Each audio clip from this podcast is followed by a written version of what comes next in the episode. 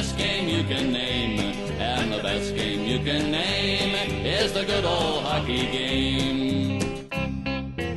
Een uh, heel goede dag, dames en heren. Welkom bij een nieuwe aflevering van de Belgische Hockey Podcast. Ik ben hier vandaag weer met twee Nederlanders, naar goede gewoonte van deze podcast.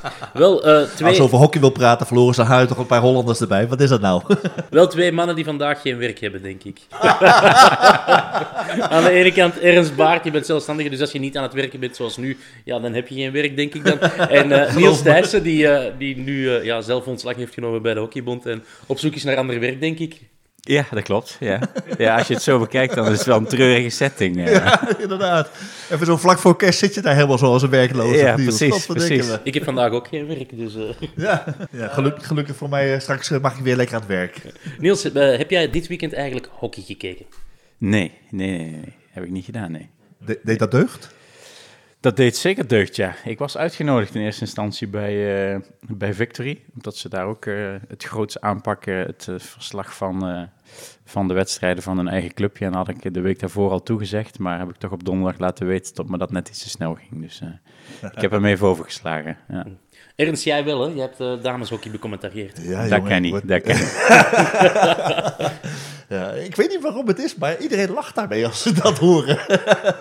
Ja, ik weet niet, jij bent een van de grote criticasters op het dameshockey vandaag. Ja, maar goed, uh, ik, ik, ik, volg, ik volg al uh, langer dameshockey dan jij überhaupt hockey kent, zelfs, denk ik. Dus, kent, ik, wacht, maar, maar, ik, ik, weet van het bestaan van hockey sinds 1902 of 93. Nou, het zal niet veel, zal niet veel schelen dan.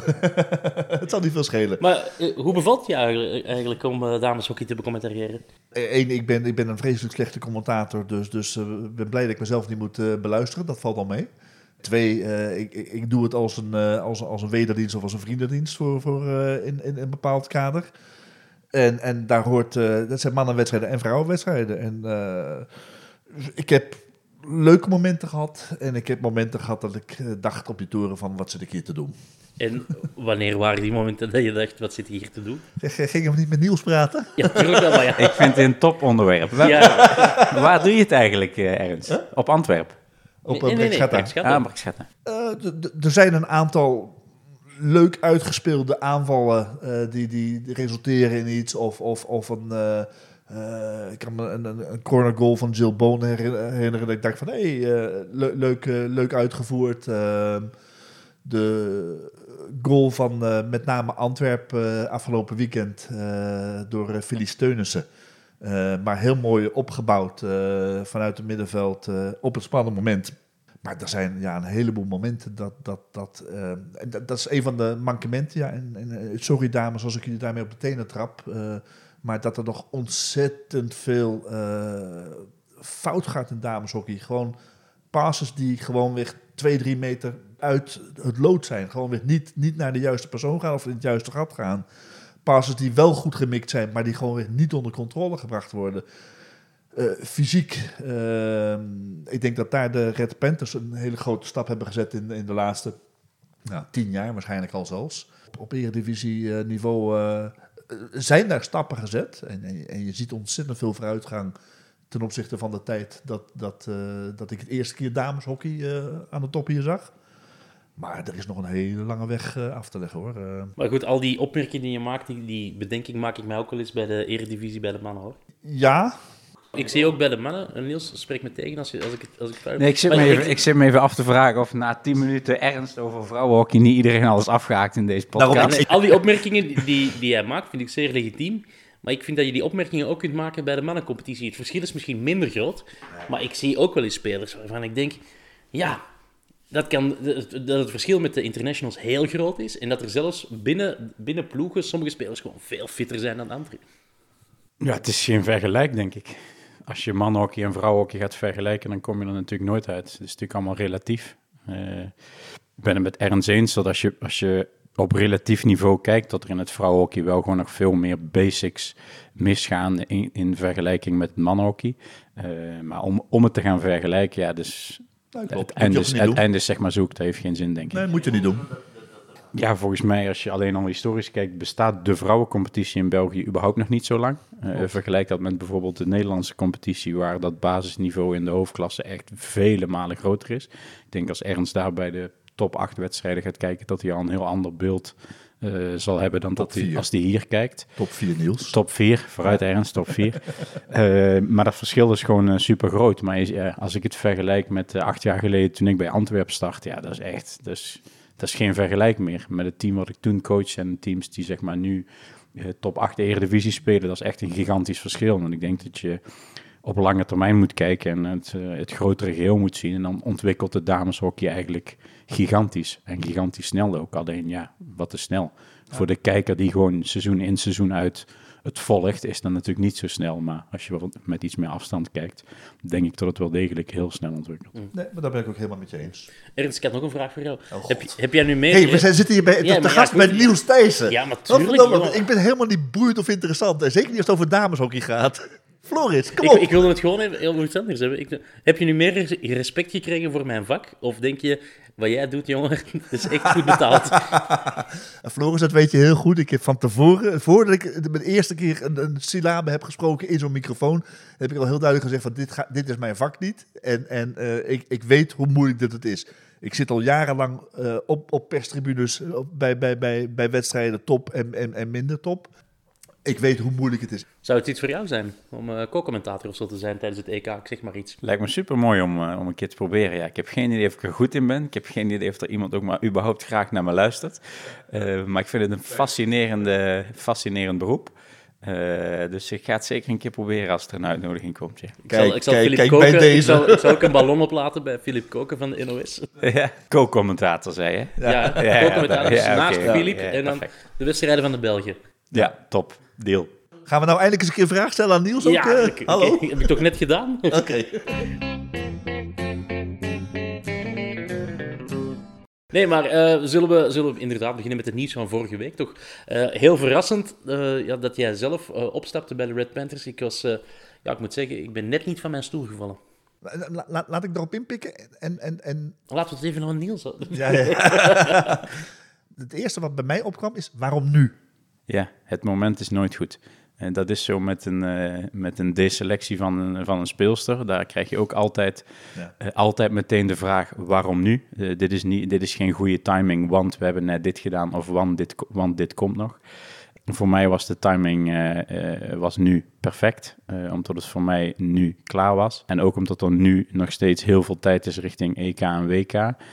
En uiteraard op het moment dat ik ervoor ga kiezen om het buiten mijn inner circle te delen, dat ik twijfel eh, en niet weet of en hoe lang ik het nog wil, dan is het klaar. En ik moest dus heel zeker zijn voor mezelf van, oké, wanneer is dat moment? En eh, zijn die twijfels, zijn die, eh, zijn die er over een maand nog? Zijn die er over vijf, zes weken nog?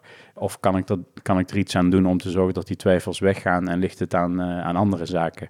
En op het moment dat ik dat zeker wist en ook voor mijn gevoel er alles aan had gedaan om die twijfels weg te krijgen en om te draaien, eh, dat was voor mij het moment om de keuze te maken. En ik vond het eh, eerlijk gezegd ook redelijk fair om dat eh, dicht bij het eindigen van mijn huidige contract te doen. En dat was ook naar, naar Adam en naar het team en naar de federatie, denk ik, eigenlijk wel degelijk een redelijk oké moment. Mhm. En wanneer zijn die twijfels begonnen? Zijn die, er, zijn die begonnen vlak na de, de kwalificatiewedstrijden tegen China of zijn die pas later gekomen? Nee, veel later. Nadat je je niet kwalificeert, zit je in eerste instantie ook in een.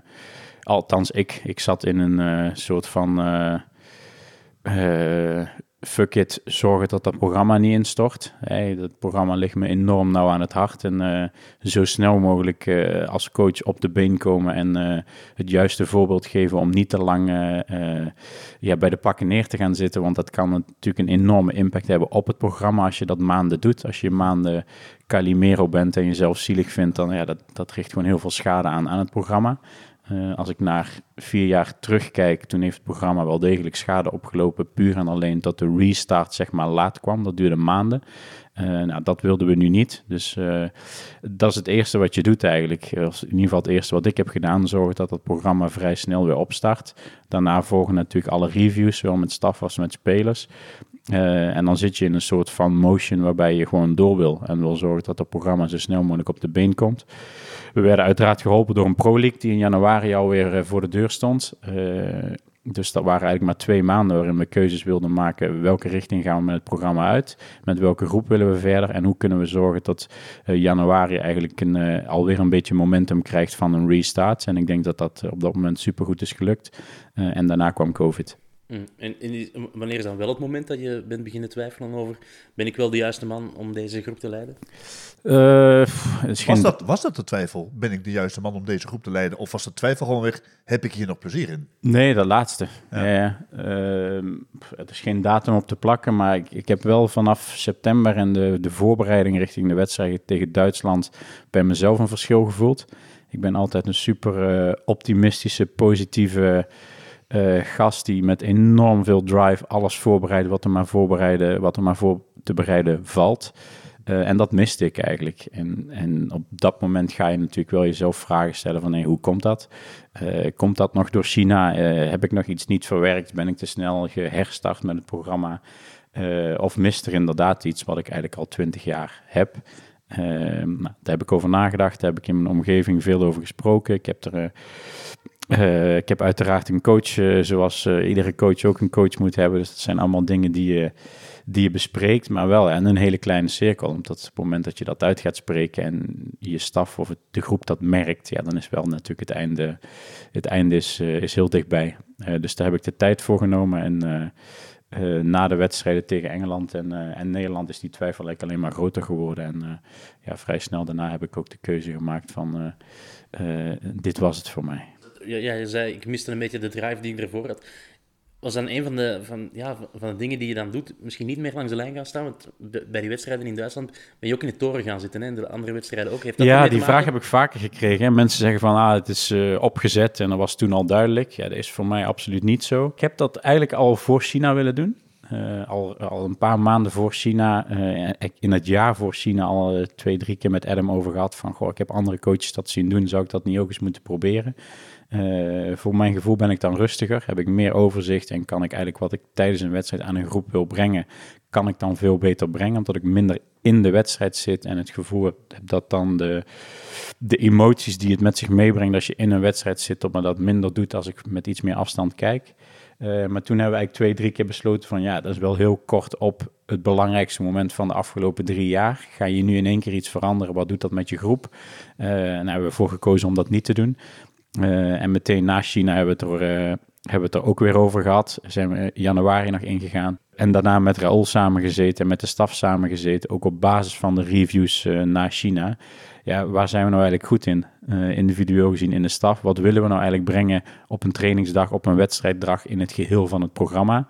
En geconcludeerd van ja, nu is het tijd zat, laten we het proberen. En Raoul is iemand die heel graag in de wedstrijd zit, die op, op die energie coacht. Uh, en ik was eigenlijk iemand die meteen zei van ja, ik coach graag met iets meer afstand. Dus waarom hebben we het eigenlijk niet eerder geprobeerd? Nou, daar hadden we toen onze redenen voor. Uh, en nu was het een mooie kans om, om dat gaan te proberen. Dus dat is totaal niet in lijn, zeg maar, met, met de keuze die ik uiteindelijk gemaakt heb. Uh, ja, je zei het, is, het heeft niks te maken met, met het idee van, ja, ben ik nog de juiste man om deze groep te leiden? Um, je bent er zelf nog van overtuigd dat je wel de juiste man op de juiste plaats was? Nou ja, op het moment, of zou kunnen zijn. Nou ja, op het moment dat je gaat twijfelen of wat je doet, uh, of dat nog is wat je wil doen. En als je dan niet meer met je volledige hart in zit, dan ben je niet meer de juiste man. Uh, en ik denk dat als je leiding geeft aan, uh, ja, aan in feite een programma. Het is niet het coachen van een team voor mij, maar je leidt eigenlijk een programma. Ja, dan moet je daar wel fucking show van zijn. Want je bent wel degene die, die moet leaden by example. En die dat iedere dag, dag in, dag uit moet brengen. Ongeacht hoe hij zich voelt en ongeacht wat hij van thuis meeneemt. Uh, dat is iets wat je van je spelers verwacht, wat je van je staf verwacht. En als je dat dan voelt dat je dat zelf niet meer brengt, ja, hoe moeilijk dat ook is, maar dan moet je daar niet te lang ook over nadenken. Want ja, voor mij is dat, dat zou zeg maar niet loyaal zijn als ik daarmee zou blijven zitten. En daar is het programma voor mij te belangrijk voor geweest. Uh, om daar dan voor de paycheck of, uh, of de stoel te blijven zitten. Want uiteindelijk is het wel een droomjob hè, om, om internationaal hoofdcoach te zijn van een programma. Om daar dan afstand van te nemen uit eigen keuze. Ja, dat, dat doe je echt alleen als je zeker weet dat je, dat je het niet meer wil. En dat was voor mij, dat moment was daar. Heb jij ook het gevoel dat, dat, dat de groep nog helemaal achter jou stond? Er is die voorbije jaren is er wel wat gebeurd natuurlijk. Hè? Ja, er zit, uh, als ik terugkijk naar afgelopen jaar en ook naar de afgelopen maanden, zijn er zowel in de reviews als in de afgelopen maanden zijn er zeker spelers geweest die hun twijfels uit hebben gesproken over het programma. Die ook hebben gezegd uh, in, uh, in combinatie met Adam van, goh, moeten we niet een keer iets veranderen? en daar zijn we eigenlijk altijd vrij duidelijk in geweest naar de groep, zowel Adam als ik daar ligt het niet aan. Of Niels Thijssen er nou zit, of Pascal Kina er nou zat, of Raoul Ere er nu zit. Dat is nou net waar deze groep een flinke stap in moet maken. Tot ah, verandering zou leuk zijn. Ja, natuurlijk. Maar als er een clinic gegeven wordt volgende week, is die ook super gaaf. Nieuw is altijd leuk, maar een jaar later is nieuw niet meer nieuw. En dat is nou net waar, waar ik in ieder geval van mening ben, en dat weet de groep ook, dat heb ik zo ook gezegd voordat ik vertrok, dus dat, dat kan ik prima hier herhalen. Dat is waar ze een stap in moeten zetten. Dat er is één, vertrouwen in jezelf als team. Dat je niet zo afhankelijk bent van je coach of van je staf. Uh, want misschien is Niels relatief rustig en, uh, en, en people-focused. Nou, dan willen we iemand die wat harder is. Maar over een jaar denk je dan van ja, dan willen we nu eigenlijk wel, wel iemand die wat meer people-focused is. Dus ze moeten meer kijken denk ik, naar het geheel van de staf, waar negen mensen in zitten die gewoon fucking professioneel met hun job bezig zijn, waar allerlei verschillende karakters in zitten. En dat moet genoeg zijn voor een team. En het is naar mijn mening sowieso nooit aan een team om te bepalen van, goh, laten we nu eens voor die coach kiezen, want dat is goed voor ons. Daar heb je Adam Commons voor. Mhm. Is het niet zo dat, dat, dat de boodschap aan, aan, aan de speelsters van, een, van jouw nationale ploeg eigenlijk voornamelijk moet zijn van, en het zal zeker niet gelden voor iedereen in die ploeg, maar kijk eens wat meer in de spiegel? Ja, ja. Nee, wat meer in de spiegel en, en, en ja, ook naar elkaar. Ja. ik denk dat uh, eh, als we het zouden vergelijken met de Lions, dat je wel een soort van verschil in maturiteit daarin ziet. Uh, en dat is, dat is wel een, een, stap die deze groep nog kan maken. Aan, aan talent ligt het absoluut niet. Uh, maar aan het vermogen om inderdaad wat langer en wat vaker bij jezelf te blijven. En ook elkaar durven aanspreken op dingen waar, die, waarvan je denkt dat die het team vooruit helpen. Ja, daar, daar, daar hebben ze al een aantal stappen in gemaakt. Maar dat is wel de volgende stap, denk ik, om om constant te presteren tegen de landen waar ze van weten dat ze daarvan kunnen winnen. En ik denk dat die golvende beweging in, uh, in resultaten, dat die deels ook wel daarin te zoeken is. Dat neem, dat neem ik ze niet kwalijk, maar... Even terugkomen op het feit dat ja, spelers aangeven um, aan de technisch directeur, aan, aan Adam Cummins. Misschien moeten we, hebben we toch nood aan een nieuwe coach. Dat wil toch zeggen dat er een soort vertrouwensbreuk is tussen... Ja, ik, ik zie dat niet zo. Ik denk als je kijk wat er in, in heel veel andere landen op dit moment gebeurt. Ik weet niet of je Australië een beetje hebt gevolgd, maar daar, ligt ook eh, de coachingstaf volledig onder vuur. Dan praten we over een basis... level zit daar wel, hè? Dat is wel ja, oké, ja, ja, ja, maar ja, daarvoor was het Nieuw-Zeeland, daarvoor was het GB. Uh, en ik heb natuurlijk meer zicht op het vrouwenhockey, vandaar dat ik vrouwenhockey ja. voorbeelden noem en, en kan noemen. In ieder programma, op ieder gewild moment uh, zal, zullen er altijd spelers zijn die denken van, maar als je even doorvraagt bij mij, dan, nou, dan, dan misschien liever iemand anders of liever een ander karakter of misschien vanaf volgend jaar iemand anders.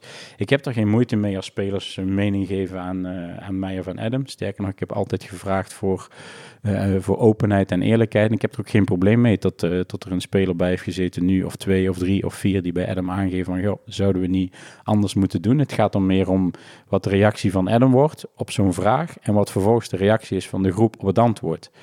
Uh, en daarmee om kunnen gaan met de ja of de nee, gehoord worden. Er wordt naar me geluisterd, maar we krijgen misschien wat anders dan we hadden gewild. Daar zit voor mij de ontwikkeling in. Hoe ga je gezond om met conflict eigenlijk in, in een groep? Mm. Maar hoe reageer je dan na een interland als Barbara Nelen gewoon uh, het interview na de wedstrijd zegt, ja, tactisch zat het niet goed, we, hebben het helemaal verkeerd aangepakt. Ja, ervaar je dat dan als persoonlijke kritiek? Of? Na welke wedstrijd was dat? Uh, ik, ik, denk tegen GB. De, nou, oké. Ja. Ik, heb, ik heb het comment niet eens gehoord, maar volgens mij hebben we, naar mijn mening in ieder geval tegen GB, zeker niet verloren op, uh, op tactische keuzes. Dus... Daar, zit, leergeld, weet je. Dat, dat, is, dat is voor mij hetzelfde voorbeeld. Hoe ga je om met, uh, met meningsverschillen in een, uh, in een team en uh, in een relatie tussen spelers en een coach? Ik, ik neem daarin niemand iets kwalijk, maar ik denk dat als je gewoon van afstand kijkt, ja, dan zit daar wel ontwikkeling. Hè, dat zul je iemand bij de mannen nooit horen zeggen, ook niet als die niet eens is. en dat is de volgende stap voor deze groep. Om daar op het moment dat dat zeg maar speelt, dat er een beetje beetje frictie zit. Ja, hoe ga je daarmee om? En dat is uh, waarschijnlijk voor deze groep de volgende stap. Maar ik heb daar, één, is geen reden geweest voor mij om er nu uit te stappen. En twee, ik heb daar totaal geen moeite mee, omdat ik denk dat dat in ieder team op ieder moment van een cyclus kan gebeuren. Of zelfs gebeurt, uitgesproken of niet uitgesproken. Hm. Ik heb wel gehoord um, van, van mensen die dicht bij de, bij de speelsters staan, dus niet binnen de groep. Die zeiden, ah, ze hebben eindelijk geluisterd naar, naar de speelsters toen, toen, toen jij bent opgestapt. Maar dan, ja, een paar uur later komt dan het nieuws. Raoul Ere volgt jou op, dus er zal denk ik toch ook niet zo heel veel veranderen nu. Nou ja, Raoul is een totaal ander type coach dan ik, denk ik. Dus er zal wel degelijk wat veranderen. Op welk vlak dan? Toch niet qua selectie, toch niet qua... Nee, dat, nee, dat zeker niet. Maar Raoul is wel een, andere, een ander mens dan ik. Ga een keer met hem in gesprek en je, je, spreekt, je spreekt een andere persoon, denk ik. Maar qua hockeyfilosofie inderdaad niet, nee. Maar wat vind je daar zelf van dan, Floris? Als je zegt van dat er zeg maar eindelijk wordt geluisterd. Hoe, hoe, zie, hoe zie jij dat? Ja, ik denk, zo'n proces als buitenstaander? Ja, dan denk ik dat het, dat het binnen een bepaald deel van de groep toch al, toch al lang het, het gevoel weg is van ja, of dat dan terecht is of niet. Hè? Dat, het, dat het gevoel bij de groep al lang is, ja, met Niels zal het niet lukken. Of met Niels moeten we, gaan we niet naar de volgende stap. We hebben, er moet gewoon iets veranderen. En of, of, dat dan, uh, of dat dan de juiste keuze is om een nieuwe coach te nemen, dat weet ik niet. Maar ik denk dat ik heb dan wel het gevoel dat er al lang ja, een soort vertrouwensbreuk is in het, uh, misschien niet alleen in jou, maar in het, in het, in het volledige programma. Ja, dat, ja, die vraag snap ik wel, maar dat, is eigenlijk, dat is eigenlijk wat, wat we ook met ze besproken hebben en wat denk ik in de komende maanden nog, nog, nog wel een paar keer met ze besproken zal worden. Uh, wie heeft welke rol daarin? En ik denk dat uh, nogmaals vanaf afstand de taak van een federatie, een performance director en een coachingstaf, ja, die, die zijn daar die zouden daar, laten we het zo zeggen, expert in moeten zijn om te weten welke richting een programma uit moet. Uh, daar zitten tien man op, hè, die dagdagelijks alleen maar daarmee bezig zijn. Van sportpsychologie tot, uh, tot tot coaches, tot technical uh, director die drie Olympische Spelen heeft meegemaakt. Die zouden toch de kennis moeten hebben, wat is goed voor dit team? Niet wat wil dit team, maar wat is goed voor dit team om het een stap verder te krijgen. en het team, in mijn ogen, moet dat met elkaar doen wat is goed voor ons? Wat werkt bij jou wel, wat werkt bij jou niet? Zelf in de spiegel kijken, uh, kritisch, positief kritisch zijn, kritisch zijn op elkaar. Maar volgens mij is het niet de job van een speler om te oordelen over een staf. Volgens mij is dat de job van een performance director. En is de job van een staf om te oordelen over een speler. Als je het naar het bedrijfsleven vertaalt, dan ga je ook niet bij het koffiezetapparaat met vijf man eens denken van, zullen we morgen eens even proberen de baas eruit te krijgen? Zo werkt het gewoon niet. En, en... Maar het gebeurt wel zoals er op de werkvloer een soort vertrouwensbreuk is ten opzichte van de manager. Ja, dan gebeurt het ook wel dat de manager er wordt uitgebonjourd. Ja, is dat zo? Ja, dat gebeurt wel, ja. Ik heb al bij, op redacties gewerkt waar de chef moest vertrekken omdat, er, omdat eh, een heel deel mensen vonden, ja, we, we hebben geen vertrouwen meer in onze baas. Nee, en op basis waarvan is dan het vertrouwen weg?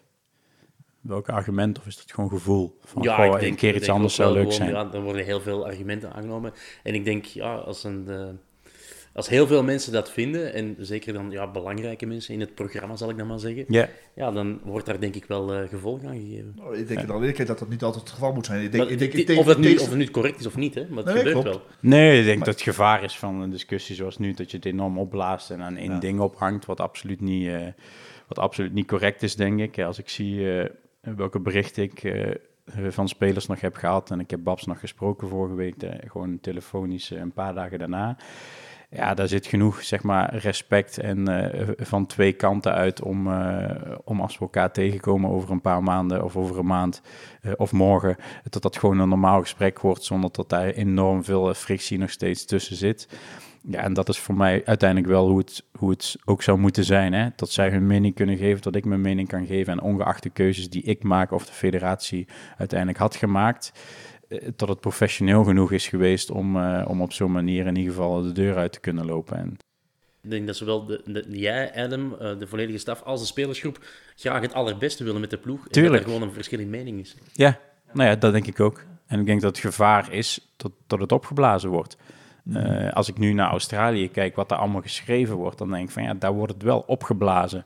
Wordt het extern gemaakt, opgeblazen, een externe partij die onderzoek komt doen.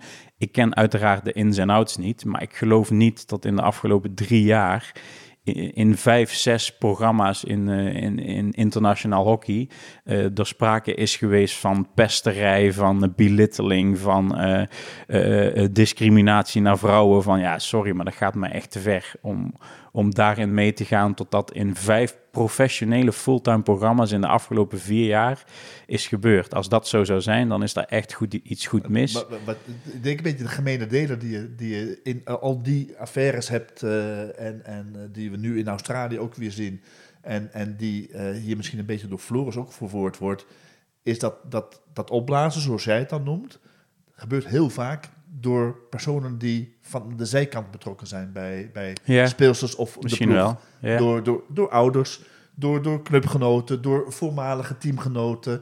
Eh, het zijn zelden, zelden de, de, de spelers of speelsters zelf die dit soort dingen via media willen gaan uitspelen. Of, of het zijn heel vaak zijn dat de, de, de partijen daar rond Ja. eh, die dit soort dingen naar buiten brengen. Terecht of onterecht, in sommige gevallen misschien. Het is wellicht ook nieuws, dus eh, Ja, er zijn partijen voor die daar eh, geïnteresseerd in zijn, dus dat is Ja. ook waar. Ja. ja. Eh, Heb je het, het afzwaaien van, van Gilles Boon, Anouk Raas en Emilie Signan misschien onderschat? Welke impact dat zou hebben op de groep? Nee, niet onderschat, want ik wist dat dat een enorme impact zou hebben. En als ik, als ik terugkijk naar, eh, naar mijn periode, dan is ieder moment dat ik zo'n keuze heb gemaakt, heeft enorm veel impact gehad. Als je me in alle eerlijkheid vraagt of dat meegespeeld heeft in het afbrokkelen van vertrouwen, dan, dan denk ik ja. Ik denk met name de, de keuze om te stoppen met, eh met Jill en Milou, dat dat een enorme impact heeft gehad. Hè. Die hadden een enorm belangrijke rol, eh, eh, sociaal gezien ook in de groep. En op het moment dat je dan die keuze maakt, dan, ja, dan heeft dat impact. En ik heb er altijd voor gekozen om, ondanks dat, te kiezen voor wat ik dacht dat het beste was voor de toekomst van het programma. Ook wetende dat dat wellicht uiteindelijk mijn kop zou kunnen kosten. Eh, maar ik zou ze vandaag weer maken. Ik ben, het, ik ben het echt volledig met jou eens hè, om die keuze te maken. ik had ook het gevoel dat, eh eh, dat Emilie Signa ook niet meer bracht op het einde wat ze zou moeten brengen. Ik denk dat Gilles nog wel bracht wat je van verwachtte, maar dat je ook die keuze moet maken. Oké, we gaan nu verder naar Parijs. En Dat was zal, de keuze, ja. Ja. Gilles zal dan 37 zijn, denk ik, eh, in Parijs. Dus dat is misschien ook wel een, een moment om dan te zeggen, oké, dan Ja, we en, nu en, stoppen. en nogmaals, want er is veel over geschreven, maar niet de leeftijd. Eh, Wij zijn gewoon van mening dat in de, in de jaren die zeg maar komen, de anderen op die plek beter gaan zijn. Eh, en ja, dat is een keuze waar we het nooit eens gaan zijn met haar natuurlijk. Dat, Klopt. dat bestaat niet. Wat was eh, die voorbije jaren jouw, jouw topmoment? Was het ook die finale op het EK? Of heb je toch een ander moment waar je denkt, nou, dat was misschien nog qua prestatie straffer? Goh, mijn, mijn mooiste herinnering blijft eerlijk gezegd de overwinning op Nieuw-Zeeland. eh, In, in Hockey Brussel. World League 3. Eh, dat was zo'n onverwacht euforisch moment, zeg maar. Dat werd echt... Het Weet ik niet, gestolen, maar... Het was ook niet gestolen. Ik bedoel, je, kunt voor hetzelfde geld echt een wedstrijd hebben dat Nieuw-Zeeland heel veel pech heeft en dat jullie dan op een, op een geniepig countertje... Dan, nee, ik vond echt, het was een correcte overwinning ook nog. Ja, we hadden van Australië al moeten winnen. Ja. Eigenlijk die eerste wedstrijd. En dan, dan één was het toernooi misschien wel heel anders gelopen dan, eh, dan het nu liep. Eh, maar met name wat daar loskwam in de groep en ook bij aanhang, ook na zo lang niet internationaal zeg maar, te hebben gespeeld. Eh, er zijn toen ook heel veel vragen over gesteld achteraf. Heb je niet te hard gevierd? Ja, weet je. Als dat voor het eerst op zo'n manier gebeurt en dat leeft zo in een groep dat dat eruit komt, ja, moet je dan je team bij elkaar roepen en zeggen stop met blij zijn. Zo werkt het natuurlijk niet. Dat zijn allemaal, als je terugkijkt over tien jaar, dat zijn allemaal ja, mijlpalen geweest en die allemaal nodig zijn om uiteindelijk finales te kunnen winnen en nog meer medailles te kunnen winnen. Maar als ik terugkijk, dan, dan is dat wel een van de mooiste momenten die ik met ze heb meegemaakt. ja. Als ik daarop mag inpikken, misschien niet het mooiste moment, of het moment wat je het meeste trots heeft gebracht, maar kun je benoemen wat jou het meeste vreugde heeft gebracht in de periode dat je bij de Red Panthers hebt gezeten? Eh, ja, de ontwikkeling eh, van eh, eigenlijk uit het niet kwalificeren van voor Rio, de groep die toen herstartte, dat waren er 15, 16, eh, die zeiden van oké, wij gaan door, ook na die shitperiode. Eh maar dat waren natuurlijk niet zoveel en niet genoeg. Eh, en op dat moment was ik letterlijk aan het bellen eh, na de hele competitie ongeveer eh uh, Laurien Delfors nog proberen over te halen om te stoppen met fluiten en toch maar te gaan spelen. Ik moest letterlijk spelers bellen, wil je alsjeblieft mee op trip naar Spanje? Ik ben wat Lorien betreft blij dat je het niet gedaan hebt. ja, die hadden we goed kunnen gebruiken op dat moment. Maar Dat dat, zegt, dat, dat zegt wellicht ook genoeg. Ja. Eh, maar na een programma waar ik nu uitstap, met, eh, in combinatie met de U21, 44 eh, spelers die, die dolgraag daarbij willen zijn. En iedere speler die een keer mee mag doen van de U21, die is zo zielsgelukkig dat ze de kans krijgen om mee te doen. Ja, die ontwikkeling heeft mij eh, het meest plezier gebracht van mijn eerste dag tot, eh, tot mijn laatste dag. Dat ik in een programma heb gestaan wat zo enorm snel ontwikkeld is. En wat eigenlijk is gegaan van eh, geen geloof naar heel veel geloof in de zin van we kunnen van al die landen gewoon winnen. Constantheid is de volgende stap. Ja, en kun, je, kun je ook onder woorden brengen... Sorry Floris, dat ik het... Nee, geen kun, probleem. je, kun je ook onder woorden brengen... Wat, wat, wat is jouw specifieke bijdrage geweest... bij deze groeiperiode die, die het dameshockey heeft eh, doorgemaakt? Eh, ik zou zeggen rust, afstand, tijd.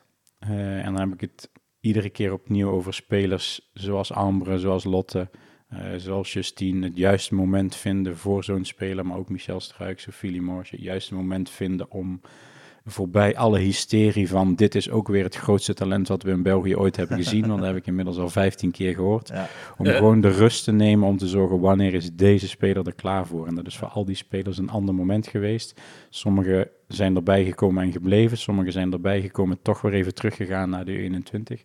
Ja. Eh, Lotte is daar een goed voorbeeld van. En daarna eh, erbij gekomen. eh, wachten met Lotte eh, zeg maar tot na de qualifier is voor mij ook nog steeds een juiste keuze geweest. Eh, omdat uiteindelijk telt maar één ding. Kunnen ze tien jaar lang een gezonde, eh, volwassen international zijn... die genoeg zelfvertrouwen hebben om een programma... wat, er, wat je aan moet kunnen als international aan te kunnen. Dus als ik, eh, ja, als ik terugkijk wat ik altijd heb gewild...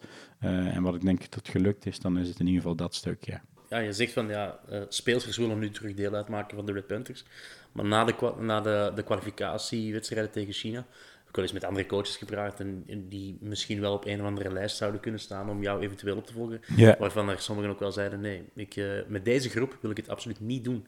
Ja, dan moet je het vooral niet doen, denk ik, als je, als je daar zo'n Maar sterke... het, het geeft, dat- het, geeft toch ook een, een, een vreemd signaal dat, dat, van die groep uit.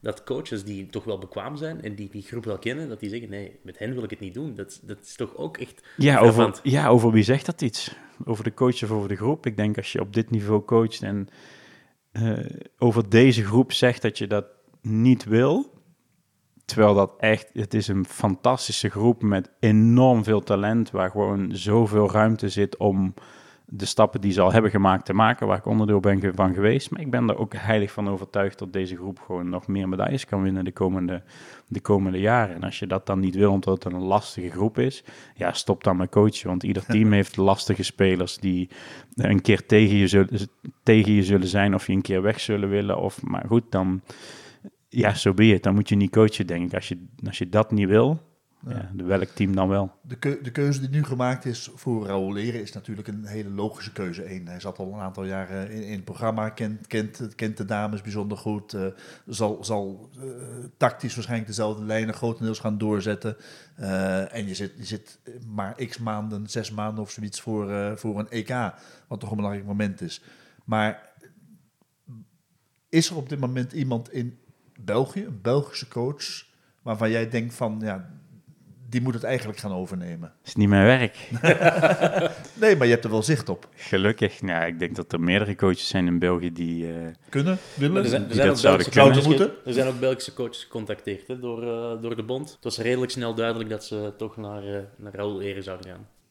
nou, jij weet meer dan ik. ja, ik, ik heb een beetje rondgebeld, ja. Nee, ik denk dat er eh, genoeg profielen zijn in, eh, met een Belgische nationaliteit die, eh, die in deze staf zouden kunnen werken. Daar twijfel ik absoluut niet aan. Ik Ja, denk de dat staf zouden kunnen leiden. In de staf werken, vanzelfsprekend. het gaat om het profiel wat, wat nogmaals waar Adam van denkt dat hij het beste past bij de groep voor de, voor de, komende, voor de komende vier jaar in feite. hè. Want als je Ja. nu daaraan begint, denk ik, dan zou Ja. dat in principe met het oog op Parijs moeten zijn. Ja.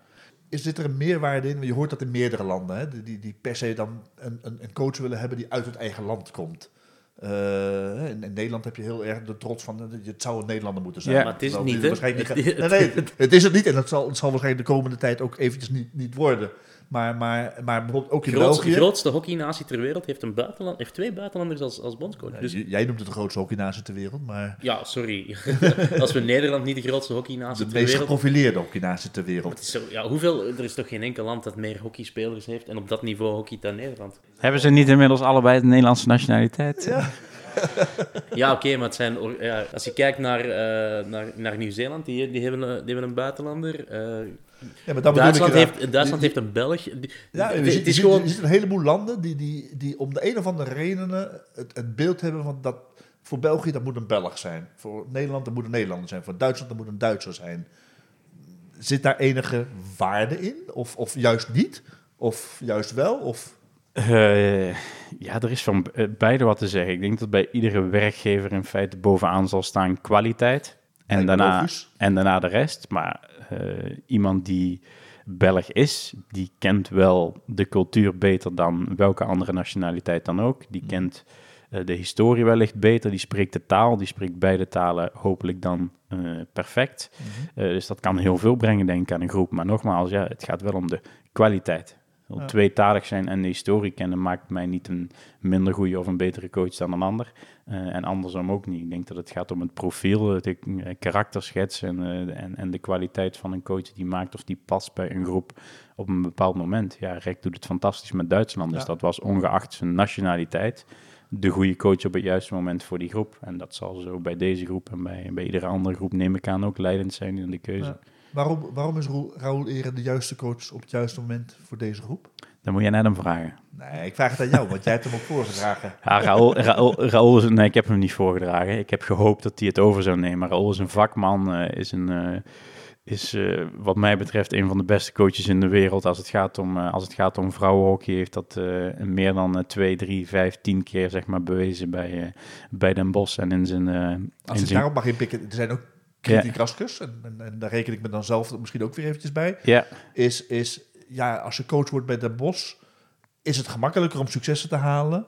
Eh, Niet over, over langere periode, want natuurlijk zijn er altijd elementen die daarin mee- meespelen. En je moet ook als coach daar gewoon je impact op blijven hebben. ja, En ook, ook een ploeg die, die het altijd al aan de top heeft gestaan, kan gemakkelijk vallen. ja, Eh, maar er zijn ook mensen die zullen zeggen van ja, hij heeft nog nooit bewezen dat hij een ploeg die niet al top is, Ja. naar de top kan brengen. ja.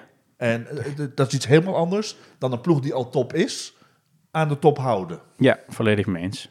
Dat gaan we de komende maanden zien. Hè? Ja, Maar dat hij eh, voldoende kwaliteit heeft om dat te moeten kunnen, dat, eh, dat, dat lijkt Ja. me duidelijk. wat gaat hij anders doen dan jij? Raoul is iets directer dan ik. Ehm, dat, dat is denk ik het belangrijkste verschil tussen, tussen ons beiden. Dat ik iets langer analyseer voordat ik mijn bek open trek. En Raoul zal zeker tijdens een wedstrijd eerder, eh, eh, eerder inspringen als het om dat stuk energie gaat. Hockeyfilosofie is, eh, is nagenoeg hetzelfde. Ik kom uit zijn school, dus Ja, wellicht dat ik daar ook lang veel, veel meegenomen heb. En Raoul is, zoals ik hem altijd heb gezien, een absolute meester in, in het zien wat een wedstrijd nodig heeft eh, als het gaat om puur het beïnvloeden van het resultaat. En dat kan een cornertje zijn, dat kan een kleine aanpassing in de press zijn, dat, kan, dat kunnen kleine dingen zijn, maar ik heb hem altijd echt mega sterk gevonden in resultaatgericht coachen. Dus ik, eh, ik hoop dat dat op het EK al aan zijn vruchten afwerkt. Is hij gevraagd bij, bij Nederland? Want uh, Alison Annen heeft net bijgetekend, maar... Ik had eerlijk gezegd, ik had echt gedacht dat Raoul Allison zou opvolgen naar, naar Tokio. Eh, dus ik was ook enigszins verbaasd wel door het nieuws dat, eh, dat Allison eh, blijft. Niet omdat ik Allison niet goed vind, maar ik had gedacht dat Allison zelf zou stoppen naar Tokio en tot Raoul dan de logische opvolger zou zijn. Wat gebeurt er, wat gebeurt er nu? Zowel met, met, met Niels zelf, maar bijvoorbeeld ook, wat denk je, wat gaat er... Spreek je komende- altijd tegen mensen in de derde persoon? Soms wel, ja. Soms wel, ja. Goed, wat, wat, Ik dacht gaat- dat je het aan Floris vroeg wat er met mij gaat gebeuren. Ja. Heel raar. Nee. Goed, de bedoeling is, what next? Zowel met, met, met de Red Planters, Ja. hoe zie jij die evolutie gaan? En Ja, what next met eh, Niels als coach, hockeycoach? ja. De Panthers gaan eh, zich kwalificeren voor Tokio. Tokio, Tokio lijkt me wordt lastig. moeilijk. Eh, voor, eh, lastig. Wordt moeilijk. Kan dat niet meer? Nee, shit. Geen achterdeurtje voor Parijs. Ja, misschien als iemand nog afval, af, niet afgereisd is. Is ooit gebeurd, maar als dat zo is, dan winnen ze goud, hè? dat was Denemarken in het voetbal. Dat was voetbal, ja. Een aantal jaren terug. Eh, voor Parijs. Ehm, en eh, gaan in de jaren daarna, eh, denk ik, eh, meer dan één keer een medaille winnen. En misschien in de jaren daarvoor nog een keer een verrassing. Maar ik, verwacht dat de oogst 5 van halen? die groep... sorry? Zie je ze top 5 halen, structureel? Ja, zeker. Voor Parijs. Vanaf Parijs. Goh, als ik nu, nou, geef me 500 euro, dan zou ik het zetten op top 6 eh, Parijs. Oké. Ja.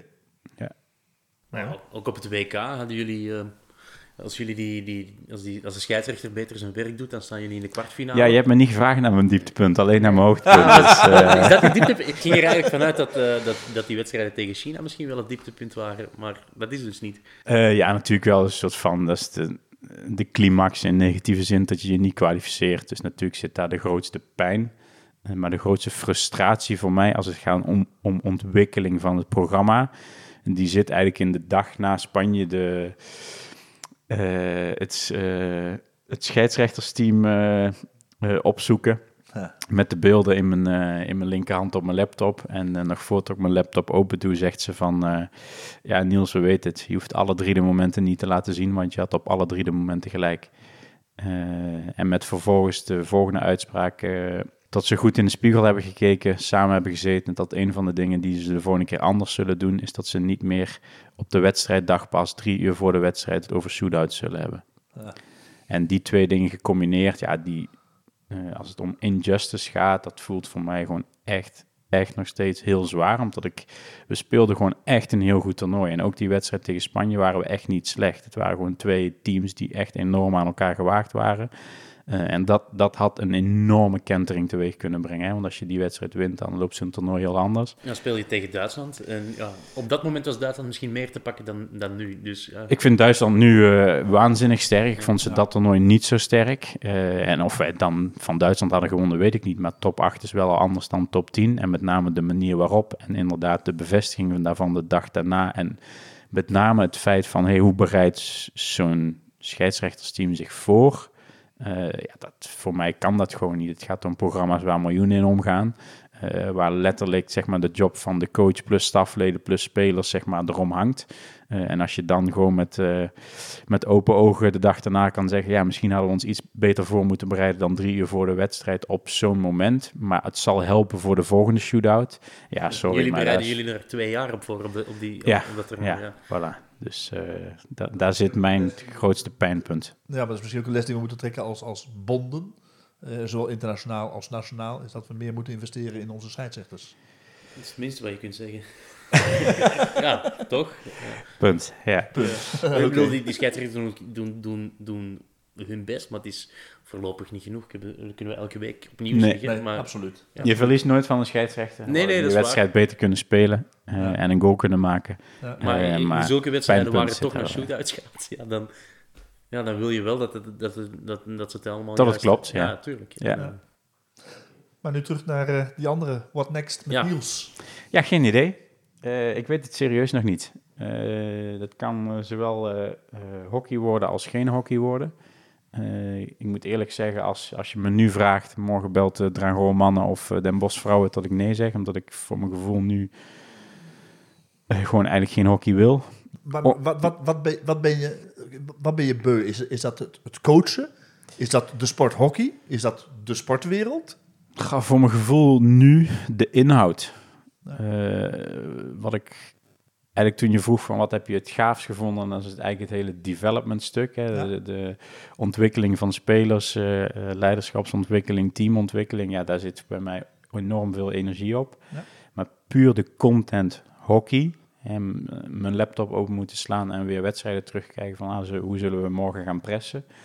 Dat heb ik overigens twintig jaar met enorm veel plezier gedaan. Hè. Dus het is niet van, heb ik nooit geen flikker aangevonden, absoluut niet. Eh, maar daar voel ik nu wel van, van ja, poeh, dat voelt voor mij, ook al is dat nooit hetzelfde, dat voelt voor mij toch als heel veel hetzelfde. Eh, en op het andere stuk zit veel meer energie en misschien dat ik daar wel als ik nu kies, dan kies ik om in die richting me verder te ontwikkelen. En dat kan binnen de sport zijn of buiten de sport zijn. Eh, maar nogmaals, als ik nu kies, dan zie ik mezelf niet nog 20 jaar coachen. Ja, uh, Xavier Rekkinger die vertelde mij een paar uh, maanden geleden. Um, de, als de Verenigde Staten, Australië of Nieuw-Zeeland bellen, of ja, die mogen mij bellen. Daar wil ik nog wel naartoe. Wil ik graag ook een buitenlands avontuur nog gaan doen. En de Verenigde Staten? Zou, zou jij, zou jij de, de, dames van de Verenigde Staten, zou, stel ze bellen jou binnen twee maanden. Ze hebben net een nieuwe coach voor. Ja, natuurlijk, maar ja. gewoon in de, in de. Nee. Nee. Nee. de ultieme resultaatgerichte cultuur. Ja. Praat je over Amerika natuurlijk, inderdaad. Ja. Nee, nee, op dit moment niet. Maar het is, het is een week geleden. Het is ongelooflijk vers. Ik heb uh, twintig jaar lang met enorm veel uh, passie en plezier gedaan. Uh, en ik wil ook zeker weten dat, zeg maar, dat het zeg maar, klopt, dat gevoel. en misschien is het wel gewoon over vier, vijf maanden dat ik denk van... Oh, het was gewoon de periode en de, de lange periode die ik met die groep ben geweest... wat gewoon maakte dat het zeg maar genoeg was. Mhm. maar eigenlijk mis ik het hockey nog enorm het kan best dat dat over vier, vijf maanden de conclusie is. Dus ik wil ook niet te voorbarig zijn in, uh, in de richting die ik daaraan geef. Ook omdat ik weet dat ik in het verleden al eens eerder zo'n keuze heb gemaakt. Toen ik bij Den Bos wegging, ging ik echt weg van, nou, ik wil gewoon niet alleen maar coachen in mijn leven. Uh, ben ik mijn eigen bedrijfje begonnen, heb ik daarnaast bij Antwerpen gecoacht. Maar bij Antwerpen ook zoveel plezier ervaren en bij de bond terechtgekomen en doorgegroeid naar de rol waar ik nu uh, afscheid van heb genomen. Ja, misschien gebeurt dat wel weer. Dus als ik iets geleerd heb uit mijn eigen verleden, dan is het om iets geduldiger te zijn met het doen van, uh, van flinke uitspraken. Ernst, zou je ook eens moeten doen. nee. hey, had je, had je, laat, laat ons zeggen, toen, toen je er nog wel volle passie in het hockey zat, had je nog ergens een, een, een droomjob waar je dacht van, ja kijk, die mogen altijd bellen en dat wil ik dan wel doen? Nee, mijn energie zat volledig op deze groep. Ik wist 100% zeker dat we ons gingen kwalificeren. En ik zie ook nog steeds voor me dat die groep, uh, zoals jij vroeg, uh, top 5 gaat spelen op, uh, op middellange termijn, zeg maar. Dat, dat gaat gewoon gebeuren. Er zit zoveel talent, juist ook aan de, aan de onderkant van de groep. Geeft hij een paar jaar en ja, die kunnen letterlijk gewoon easy mee met de top 6 in de, in de wereld, denk ik. Dus ik heb ook tijdens die hele periode nooit gehad van, goh, als die morgen bellen, dan stop ik of dan ben ik weg. Nee, ik zou niet, niet zeggen waarvoor je de Red Panthers zou verlaten, maar wel gedacht, ja, dat is misschien wel de volgende stap. Nee, nee. Er is maar één land waar ik zou willen wonen en dat is Nieuw-Zeeland. Op basis van de trips die ik, uh, die ik heb gedaan. Maar ook als... kan, ik je, kan ik je alleen maar gelijk geven. Ja, ja dus, uh, maar dan gaat het meer om de, om de uitdaging, de verandering van de omgeving. En, uh, en nog in, inderdaad een keer iets verder in het buitenland wonen dan 30 kilometer. maar dan zou dat een van de landen zijn waar ik als eerste aan denk. Ja. Mm. Als, ik, als ik kijk naar de selectie, dan denk ik, ja, we moeten gewoon de komende jaren vooral selecteren op, op, op kracht en snelheid. Want dat, dat ontbreekt er soms nog wel eens. En daarom ben ik soms ook wel... Nou ja, volgens mij zijn ze... Ja, puur... De, ja, ja, bedoel, ik, ik ga ervan uit dat er een soort ondergrens is die je moet halen om bij de nationale ploeg te komen qua basistechnieken. Maar dan komt toch snelheid en, en, en kracht die... Absoluut. Maar ja, kijk naar de, als je kijkt naar de laatste wedstrijden tegen GB... Uh, wat denk ik dan een graadmeter is voor ons, omdat we vinden dat we daarvan moeten kunnen winnen. Uh, of zouden moeten winnen. Olympisch kampioen wel, weliswaar. Hè? Ja, ja, maar ja, dan zijn we in twee wedstrijden gewoon uh, in feite net zo dichtbij als dat zij dat zijn. Ja. Maar dan spelen we wel zonder, uh, zonder Lotte, zonder ja. Ambre, zonder Justine. En dat hebben die alle drie. Snelheid, kracht, power uh, en skill. Ja, als je die drie voorin hebt lopen in die wedstrijden, ben ik zeker dat je minimaal een van de twee wint. Nou, die waren er in die wedstrijden niet bij. Maar dat is wel het type speler waar simpelweg, denk ik, op, op geselecteerd wordt in de komende jaren. Omdat internationaal heeft iedereen dat. Dus als je dat niet hebt, ja, dan, dan uiteindelijk botst het tegen de top 10 zeg maar, aan, maar breek je dan nooit doorheen. Je hebt gewoon 18 spelers nodig die snel zijn, die sterk zijn, die fit zijn uh, en die kunnen hockeyen. Dat is wel, begint dan, wel een voorwaarde ja. te worden, denk ik. Mag je het dan vreemd vinden waarom het zo lang heeft geduurd voor Shanda Ikigwanu in de ploeg is gekomen, zonder dat zij wereld speelde hè, tegen, tegen Groot-Brittannië, maar ze ja. heeft wel echt die snelheid naar voren. Ja, dat heeft ze ook. Shanda heeft, uh, uh, zeg maar, na, de, na het EK in Valencia onder 21, daar was ze aanvoerster, daar heeft ze... Uh, een oké toernooi gespeeld, maar geen supersterk toernooi gespeeld. Uh, en daarna zaten wij al in een, in, een, in een fase, zeg maar, waarbij we de groep eerder kleiner waren aan het maken dan groter richting, uh, richting China. en we hebben haar de afgelopen maanden, dat is al in de zomer geweest, dat ze de kans heeft gekregen bij ons, maar toen had ze fysiek flink achterstand, eh, blessure gehad. Eh, dus die heeft maanden gebruikt om überhaupt fysiek op het niveau te komen waar ze tegen GB weer was. Ze zou de kans tegen GB eigenlijk niet krijgen, maar door COVID en blessures kreeg ze de kans toch. Eh, en die ene wedstrijd tegen GB heeft er wel bij de groep gehouden. Want ik heb tegen haar ook gezegd, zo goed heb ik het er eerlijk gezegd nog nooit gezien. Ik denk dat hij tijdens de wedstrijd ook zei. dat, Ja. ze, ja, dat, dat ze erbij moest blijven. ja, maar ja, ze staat er ook op een positie voorin waar ze wel ook enorm veel concurrentie heeft. Hè. Er staan er wel gewoon zeven of acht die, eh, Ja, ik, ik die dezelfde snelheid hebben. worden, maar wel- nee, nee, dat ze erbij zou moeten zitten, ja, meens. Wat moeten de clubs in België voor het dameshockey gaan doen om ons dameshockey niet alleen met clubhockey, maar ook het internationaal naar een hoger niveau te tillen? Ja, moeilijke vraag. Shootouts na een gelijkspel. Ja, shootouts na een gelijkspel, hè, maar dat roepen, we, dat roepen we al twee jaar in iedere podcast. Dus Ja. eh, ik- is even de vraag wie er ooit naar deze podcast luistert. Eh, maar dat lijkt me Ze luisteren wel, ze luisteren, ze willen het alleen niet aannemen. Nee, dat, dat lijkt me absoluut een goed idee. Eh, ik vind, eh, maar goed, ik bepaal dat niet, maar ik zou de competitie bij de vrouwen naar acht brengen. Ik denk dat daar gewoon veel meer eh, eh, ja, concurrentie moet komen in, eh, in kwaliteit, zeg maar. En dat het dan, hè, wat ze in Nederland zeggen, het vestigt zich allemaal bij de top 3, top 4. Ja. Ja, laat het zich in hemelsnaam hier vestigen in de top 6, top 8. Want daar krijg je gewoon een veel sterkere, kleinere competitie mee. De, de aantallen zijn er niet, maar dat is dan puur de link naar internationaal hockey om een competitie van 12 of van 14 te hebben, waarbij dat dus de internationals beter maakt. Dat is een, eh, een selfish eh, approach voor internationaal hockey, maar dan zou top 6 misschien nog beter zijn, bij wijze van spreken. Eh, Een paar jaar geleden was de competitie toch gewoon met 10. Nu zijn we met 14 ploegen. Oké, het is een vreemd jaar, maar toch. Ja. Kan er onderscheid zijn tussen mannen en vrouwen competitie? Ja, weet ik niet. Dat is aan de federatie. Dat is natuurlijk een lastige, dus maar waarom niet? misschien zou dat moeten kunnen. Eh, als je het vrouwenhockey een volgende boost wil geven, lijkt mij dat totaal geen, eh, geen slecht idee. Of eerder de schifting al maken. Eh, dat je maar één ronde doet van, eh, van acht wedstrijden of zo. En daarna al de schifting, eh, de schifting maakt. Twee pools van acht en daarna naar één pool van acht. Ja. Ja. er zijn heel veel manieren te verzinnen. En daarnaast denk ik dat de clubs eigenlijk doen wat ze moeten doen. Ze trainen al vaker dan dat ze een paar jaar geleden trainden. Eh, bij vrouwenhockey is het kansen geven aan jongere speelsters nooit een probleem geweest. Hè? Dat, eh, de onder 18 spelers spelen allemaal al in die competitie. Eh, veel clubs halen er sterke buitenlandse spelers bij. Sommige clubs halen er negen, lijkt me overdreven. Eh, maar veel clubs halen er gewoon twee of drie. Wat ik denk dat supergoed is voor onze eigen jeugd. Eh, dus ik denk eigenlijk dat dat redelijk in de juiste richting gaat. Alleen het aantal teams in de competitie, ja, naar mijn ogen niet bevorderend. En het aantal wedstrijden in een jaar gecombineerd, gecombineerd met de internationale kalender voert de druk op de internationals alleen maar op. En zeker in het vrouwenhockey, als je kijkt naar eh, de, beste speelsters bij de, bij de nationale ploeg, ja, die spelen gewoon 70 minuten op een club of, of 68. Eh, en dat betekent dat ze gaan dieselen, dat ze op één tempo rond gaan rennen. En als er iets internationaal niet gevraagd wordt, dan is het dat. Hè, daar wordt gewoon verwacht dat je zes minuten volle bak kan gaan op een bepaalde intensiteit en een bepaalde hartslag. En daarna rust en daarna weer opnieuw.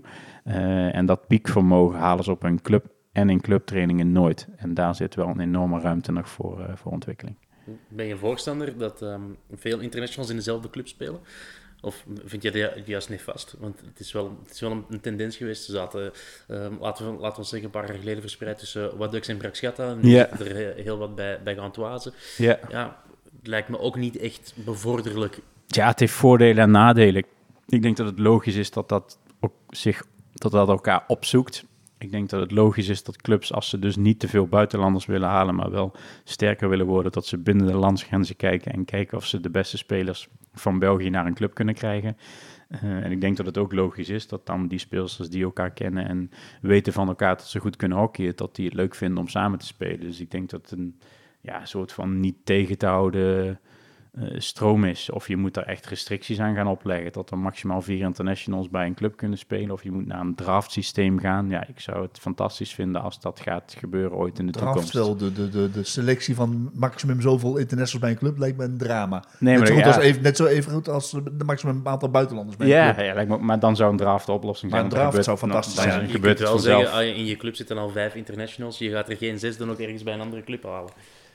Ja, nee, ik denk dat je daar altijd... Ik, vind, ik zou dat dom vinden als club, als je dat gaat doen eh, zelf. Maar, maar eh, ik denk niet dat je dat in regels moet gaan gieten. Als je bijvoorbeeld bij Den Bosch kijkt, hè, waar natuurlijk daar zitten dan 9 of 10. Ja, iedereen die daarheen gaat die net geen international is, die heeft bijna gegarandeerd dat hij het dan binnen twee jaar wel is. Door Ja. de omgeving waarin die traint, door de ontwikkeling die hij dan doormaakt. Dus ik snap het ook wel dat dat gebeurt. Maar, maar is, er, is er in België een club die, die op hetzelfde niveau als Den Bosch... Nee. Die, die nee. Nee, Nee, dus nee, nee, ik heb vaak het gevoel, als internationals nu allemaal naar dezelfde club gaan, ja, dat het gewoon voor de gezelligheid is. Ga ja. Ja, nee, bedoel, ik zeg het nu heel streng. Hè. Ik, ik, ik maak het misschien sterker. Omdat ik vaak denk, ah, het zijn vriendinnen van elkaar. Het is gewoon leuk om dag in dag uit met elkaar te spelen. En op zondag, eh, na de wedstrijd, eh, gezellig nog. En, en daar, daar valt ook absoluut voor te zeggen. Nee, ik bedoel dit niet negatief. Ja, nee, maar nee. Ik, heb, ik heb niet altijd het gevoel dat speelsters naar een club gaan met echt het idee, ik ga naar die club omdat ik daar iets wil bereiken. Nee, omdat ik dat denk dat dat voor de beste internationals van België bij geen enkele club in, in België kan.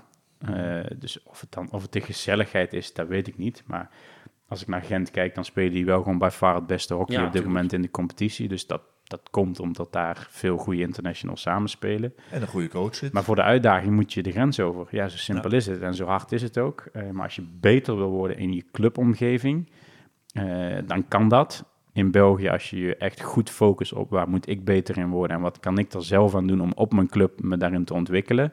Maar beter worden van alle spelers om je heen, wat in vergelijking met Den Bosch natuurlijk dan een groot verschil is. Ja, dat is in België wel moeilijk en dan is Gent in feite de enige club, want daar word je dan in ieder geval nog beter van, van het niveau van elkaar. Maar bij iedere andere club hebben de internationals die uitdaging niet.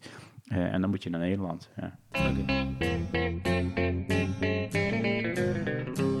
Zullen we het nog heel even hebben over de clubcompetitie bij de mannen? Dat mag altijd. Want eh, er, zijn nog, eh, ja, er is nog één speeldag. Kijk je daar ooit wel eens naar? Ik heb er eh, af en toe wat gezien, maar niet, eh, maar niet veel. Maar ik kan me voorstellen dat ik nu wat meer weg kijk. Ja. Oké, kijk. Ehm, Ik wilde eigenlijk zeggen, man, ook, je mag naar het toilet. Maar eh, Ehm, er is nog, eh, nog één speeldag te gaan. Er zijn nog tal van ploegen die zich kunnen plaatsen voor de top 8, mathematisch dan. Maar eh, alles heeft ook te maken met die inhaalwedstrijden die dan verplaatst zijn naar zaterdag. Want dus eh, Racing speelt zaterdag en zondag nog twee wedstrijden die onwaarschijnlijk belangrijk zijn. Zaterdag tegen Dragon en zondag spelen ze tegen Heracles. Wellicht is de wedstrijd zondag tegen Heracles bepalend wie uiteindelijk die achtste ploeg is in de top 8. Eh, ja, de achtste ploeg in de top 8 uiteraard. Racing is wel aan een waanzinnige reeks bezig. ja, ik zag het, ja. Ja, ja. Wat mij verbaasd heeft, want ik heb ze zien spelen dan tegen Brexgata. En, en wat mij ongelooflijk opviel, was de- het onvermogen van Racing om in die wedstrijd dan eh, te scoren. Kansen creëren, eh, ja. Maar, maar, maar die bal af te maken, die bal in het net te duwen, was echt was dramatisch slecht. Eh, kijk, als, als, met alle respect voor, voor een zoek, eh, maar als hij de enige is die echt op goal kan schieten in die hele ploeg, eh, dan, dan is er toch iets serieus mis. En goed, ik, dus ik was heel verbaasd hoe zij daarna eh, dan toch die, die, die weg naar boven weer gevonden hebben. Wie zijn de spitsen van Racing? Eh, Achille de Chaffois. Eh, wie zit daar nog? Quentin van Lierde is daarheen Quentin gegaan. van Lierde inderdaad. eh, Chuck Truijs speelt daar gewoon voor in, toch? Nou ja, Tjoek speelt voorin inderdaad. En ik zeg het, die, die, die is, ge- geeft die een bal binnen bereik van de cirkel en dat zal een schot op goal worden. Eh, dat zie ik te weinig bij de anderen. Mhm. Oké. Maar eh, in ieder geval een, eh, een, eh, een, een mooie inhaalrace van Racing. En, en ik denk dat ze het heel erg spannend gaan maken. Dus ik ben heel Ja, erg benieuwd naar die, met name die, die inhaalwedstrijd tegen Dragon. Ja, tegen, ik denk, het, het maakt weinig verschil hè, als, ze tegen, als ze van Dragon winnen. En ik ga ervan uit dat Heracles ook zijn inhaalwedstrijd tegen Maar Old op, Club wint. op papier mag Dragon die niet verliezen, toch? Ja, Dragon is gewoon niet goed bezig hoor. Dit Ik zei op papier, hè? Ja, Ja. Dragon, Dragon, Dragon is nog niet zeker van als het tegen zit. Ja. Dus stel ze verliezen zaterdag van Racing, dan moeten ze zondag naar Namur. Oké, dat mag geen probleem Is het zijn. op Dragon? Het is eh, Op op Dragon, Dragon, ja. Racing en dan zondag spelen ze, spelen ze uit bij, eh, bij Namur. Dan moeten ze die wedstrijd op Namur winnen om, om, om erbij te zijn. Want eh, als het dan tegen zit en Heracles en Racing spelen gelijk en eh Heracles en Racing winnen dus op zaterdag, dan springen ze allebei over Dragon heen. Dus om maar aan te geven, een club als Dragon, die, als je kijkt naar die hele ploeg, oké, het is niet meer het Dragon van, van twee, drie jaar geleden. Maar als je op de laatste speeldag jezelf nog moet plaatsen tegen Namur, ja, sorry, dan... eh, Heerlijk toch? Dat Ja, kan maar Maar, heb je ook wel niet competitie goed waar, waar, waar, echt, waar echt nog competitie is inderdaad en waar, waar, waar het inderdaad op aankomt. eh, en, en waar, met met uitzondering dit jaar dan van Gantoise, ook gewoon niemand zeker is van zijn plek. Maar je kan het ook zo zien, hè, van Namur gaan ze sowieso niet verliezen, dus ze zijn in principe gewoon geplaatst. Ja, dat is waar. Maar ja, je moet, eh, het zal maar eens gebeuren dat Ik je denk daar... dat uh, Sourin het daar niet met jou mee eens is. Een van de weinige vrouwelijke coaches in België te, te, te citeren. Ja, dat weet ik, dat weet ik. Maar nee, maar goed, normaal het is, gezien het is naar dat, muur. eh, het is op zondag om 12 uur normaal gezien die wedstrijd. Ja, Gaat die wedstrijd überhaupt dan gespeeld worden? Dat, eh, daar, daar heb ik wel mijn vragen bij.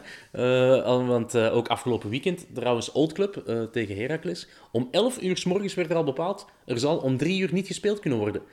Vond ik, ab, ik vind ook, vond ik absurd, want eh, de wedstrijd van Brakschatta, de wedstrijd van Brakschatta, dat werd pas om 12 uur beslist. Gaan we binnen een half uur starten of niet? Dat de, de, Ja. de juiste, en dan is er net bepaald, oké, het kan net wel. Ja. ja. En En het, was, en het was afgelopen weekend kouder in Boom dan in Luik. Dus om maar aan te geven dat, die, dat er dan al beslist wordt, we gaan niet spelen. Terwijl Heracles zei, ons veld, ons veld is bespeelbaar. Als we willen, kunnen we ook gewoon in Lier hockeyen. ja. Wat perfect kan met dit systeem, want je speelt, toch, geen, je speelt toch niet uit thuis, het maakt niet uit. Er is Nee. toch geen publiek. Kom dan alsjeblieft hockeyen. ja. Bij Luik zeggen ze, nee, dat gaan we niet doen. We kunnen niet spelen. De wedstrijd wordt verplaatst naar, naar zaterdag na een week waarin het nog kouder is. Dan denk ik, ja, bizar. ja, als het nu niet kan, waarom zou het dan zaterdag Ja. wel kunnen? Ja. En dat, dat soort dingen, dat, die, ja, daar, daar, heb ik toch echt wel bedenkingen bij. Ja, dat is heel vreemd. Het gaat sneeuwen, hè? Het gaat Ja. sneeuwen, dus... eh, Ja. Ja, Dus nu hebben zowel Heracles als Racing een dubbel weekend. twee ploegen waar het erom voor gaat. Ja, dus ze, hebben Ja. al, ze moeten allebei de, de, de, de punten pakken. En in principe zal zes punten maar genoeg zijn om, om je te plaatsen. ja. En ja, zondag is dan die, die absolute finale, is het Heracles Racing. En op een of andere gekke manier zenden wij die wedstrijd niet uit. ik, heb, ik heb nog eh, echt, want bij Telenet... Ik was er klaar voor om Ja. naast je te komen zitten, Ja, maar... eh, ja. Nee, maar Helaas. Bij, bij Play Sports, wij wilden absoluut die wedstrijd uitzenden, omdat dat gewoon een finale is waar... ja, dat wordt een wedstrijd met emotie, met, met het mes tussen, tussen de tanden. Misschien niet de allermooiste wedstrijd, maar ik, zal zal het, wel... ik zal het je nu al zeggen, de winning goal wordt gemaakt door Heracles, door Xavier Rekinger. Tegen zijn ex-club. Oh, schitterend. Tegen zijn ex-club Racing. Ja. Ja, en de reden waarom is omdat THL zegt, ja nee, eh, we gaan naar Namur tegen Dragon. Ja, sorry, ik heb echt geen zin in die wedstrijd. Want zelfs een slecht Dragon, zelfs een Dragon dat, niet, dat nu in een, in, een, in een soort vormcrisis zit en waar het niet helemaal 100% draait, ja, die gaan daar nog met 0-5 winnen. Ook op een zondag om 12 uur 's middags. Wanneer wordt dat vastgelegd, die planning? Ja, dus wij, eh, wij hebben eh, tijdens de coronabreak een nieuwe planning gemaakt. Ja. Eh, met, met daarin gekeken, ja, wat zou er nog belangrijk kunnen zijn om de top 8, want daar hebben we op gespeeld. Ehm, soms wilden de clubs ook niet mee, want het is ook gebeurd dat we niet naar Racing maar Duck zijn gegaan, omdat, omdat, omdat de clubs een beetje tegenwerken. Dan denk ik, jongens, waar, waar zijn jullie in, in hemelsnaam mee bezig? Ja. Probeer je product te verkopen. Niemand heeft zin in Namur, dat wordt weggetekend door Dragon. De- terwijl er die zondag een absolute kraker geprogrammeerd staat, die Ja. invloed, direct invloed heeft Ja. over de rest van het kampioenschap. Ja. Oké, Dragon zal die wedstrijd ook moeten winnen. terwijl Van, tenzij ze zaterdag van Racing winnen, dan zijn ze geplaatst. Dan, dan doet die wedstrijd er absoluut niet meer toe. Dan gaat het alleen nog maar over dat anderhalf punt dat je dan extra kunt pakken richting de tweede ronde. Ja. Ja, Nee, er is nog een hele weg af te leggen qua professionalisatie bij, eh, bij bonden, eh, eveneens eh, als bij, bij clubbestuurs. En, en, en ja, we moeten gewoon realiseren dat, dat, dat je soms opofferingen moet maken om, om je sport te promoten. Hm, Want het zit namelijk zo, we hebben dit seizoen Racing nog niet uitgezonden. Stel dat Racing niet in die top 8 zit, dan zenden wij dit jaar Racing toch een van de, van de clubs die het voorbije decennium kleur heeft gegeven. Ja. Gewoon niet uit. Ja, Maar we zijn dan wel naar Namur geweest en dan is iedereen tevreden. Dan Ja. denk ik, ja. ja. Maar dat heeft dan ook eh, te maken met de keuzes die Racing zelf maakt. Dat is niet Ja, dat heeft er ook voor een deel mee te maken. Maar ja, goed. eh. Ja. ja. ik, vind, het- ik, vind, eh, ja, ik vind het gewoon heel jammer. Dat is duidelijk. De- Maar goed, we maken ons in ieder geval op voor een, eh, een spannend weekendje in de, in de herencompetitie. ja, zelfs Brakschatta kan zich nog plaatsen voor de... Zelfs Brex gaat dan kan Maar dan zich moet, er, plaatsen. dan moet het wel echt allemaal meezitten. Dan, eh, maar zelfs dat zou nog kunnen. eh. It ain't over till the fat lady sings. ja, zo, zo. Wie, wie denk jij dat het zal halen? Zal het Heracles of Racing worden? Ik denk Heracles. Heracles. Heracles? Ja. Ik zeg ook al weken Heracles, maar dan verliezen ze afgelopen weekend wel gewoon die belangrijke wedstrijd van Beerschot. En Ja, Nou, maar Beerschot blijft toch een ploegje die, die, die eh, Ja, en, kan en, verrassen. ja, en Rossi is er ook weer bij hè, bij Beerschot. Laten we niet vergeten. Ja, is Rossi er weer bij? Oké, ja, ja, dus zijn, werkvergunning is, eh, is er 11 Hebben ze beide niet? Ja, dus eh, ze hebben Rossi zowel. Fürste als Rossi. Oké, kijk. Wat een as. Je dit hebt de leuk. Slover, Fürste, Rossi. Ja. Ja, sorry.